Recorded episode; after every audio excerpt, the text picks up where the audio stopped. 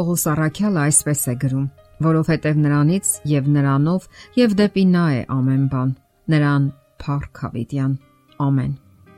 այս համարում ամփոփված է Աստծո հանդեպ ունեցած մեր կարիքը այդ կարիքը մեր կյանքի յուրաքանչյուր ոլորտում է այն իր մեջ ներառում է փրկության եւ հավերժական կյանքի ներելու եւ ներվելու կարիքը փրկություն եւ հավերժական կյանք իսկ մինչ այդ մենք պետք է ներենք որpիսի ներվենք Սակայն բոլորը չէ որ գիտակցում են այդ կարիքը եւ մտածում են, որ կարող են առանց դրա էլ ապրել։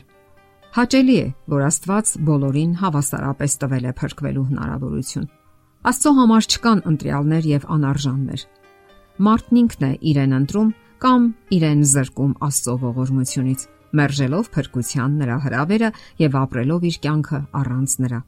Իսկ Աստծո ողորմությունները ընդունելու եւ ներվելու համար հարկավոր է կարողանալ ներել։ Մենք ունենք Աստծո ողորմության կարիքը, որpիսի ներում գտնենք եւ ընդունենք նրա շնորհը, որով միայն ազատագրվում ենք մեր բոլոր մեղքերից։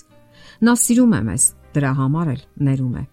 Իսկ հա մարդկային փոխհարաբերություններում ներումը ընդունվում է ավելի շուտ որպես պարտք կամ պարտականություն, քան սրտից բխած անկեղծ ցանկություն։ Հաճախ կարելի է այսպիսի խոսքեր լսել. Եթե նա առաջինը ներողություն խնդրի, կներեմ նրան։ Սակայն սա արդեն ողորմություն չէ պարզապես պարտքի զգացում։ Իսկ իսկական ներումը չի սпасում, որ ներողություն խնդրես եւ ուղվես, այլ ձգտում է հաշտության, նույնիսկ ամենաչար մարդու հետ։ Հաշտվելով Աստծո հետ մարդը չի կարող ճշնամության մեջ մնալ մերձավորի հետ, եւ հաշտվելով մերձավորի հետ նա պետք է հաշտ լինի նաեւ Աստծո հետ։ Հիսուսը հստակ արտահայտվեց այդ մասին։ Իսկ եթե դուք մարդկանց չեք թողնի նրանց հանցանքները, ձեր հայրն էլ ձեզ չի թողնի ձեր հանցանքները։ Այսպիսի խորուրդ ավելի հետաքրքիր եւ փորձառություններով լի կյանք ապրելու համար։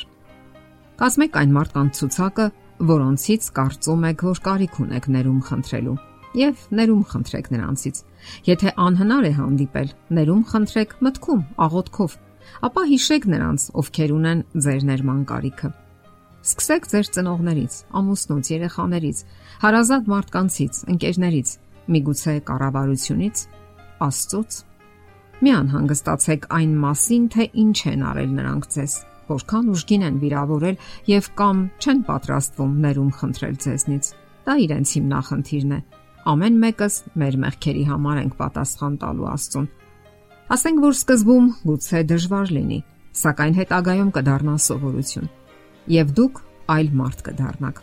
Ավելի սիրով կնայեք մարդկանց եւ ավելի ըմբռնող ու խաղաղասեր կլինեք դուք ձեռք կբերեք բնավորության այն որակը, որը վայել է քրիստոնյային։ Ներումը հասարակական ուժ է։ Ներումը միայն անձնական որոշում չէ, այն նաև նպաստում է հասարակության առողջացմանը։ Այն միջոց է, որով երկրներն ու մարդիկ ազատագրվում են բոլոր պատերազմներից եւ հասարակության մեջ ընդունված դաժան մրցակցությունից։ Այդ մրցակցության հոգին է հաճախ տիրում ընտանիքներում, որտեղ միմյանց սիրելի մարդիկ չեն կարողանում զսպել իրենց եւ վիրավորում են իրար։ Եթե միայն մարդիկ կարողանային ներել,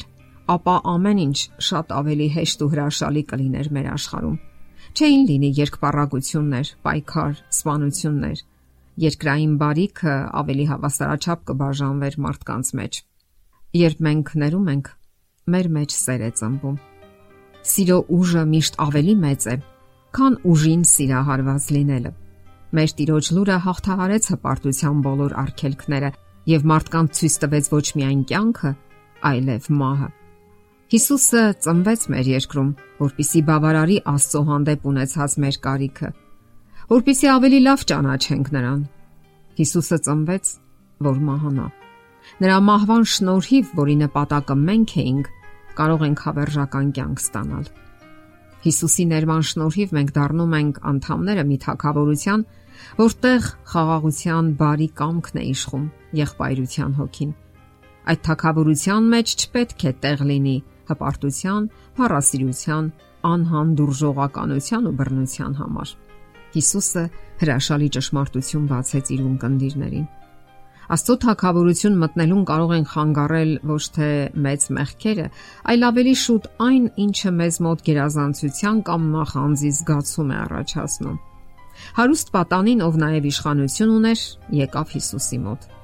Նա կարեկցանք չէր զգում աղքատների հանդեպ, հպարտ էր ու ինքնավստահ։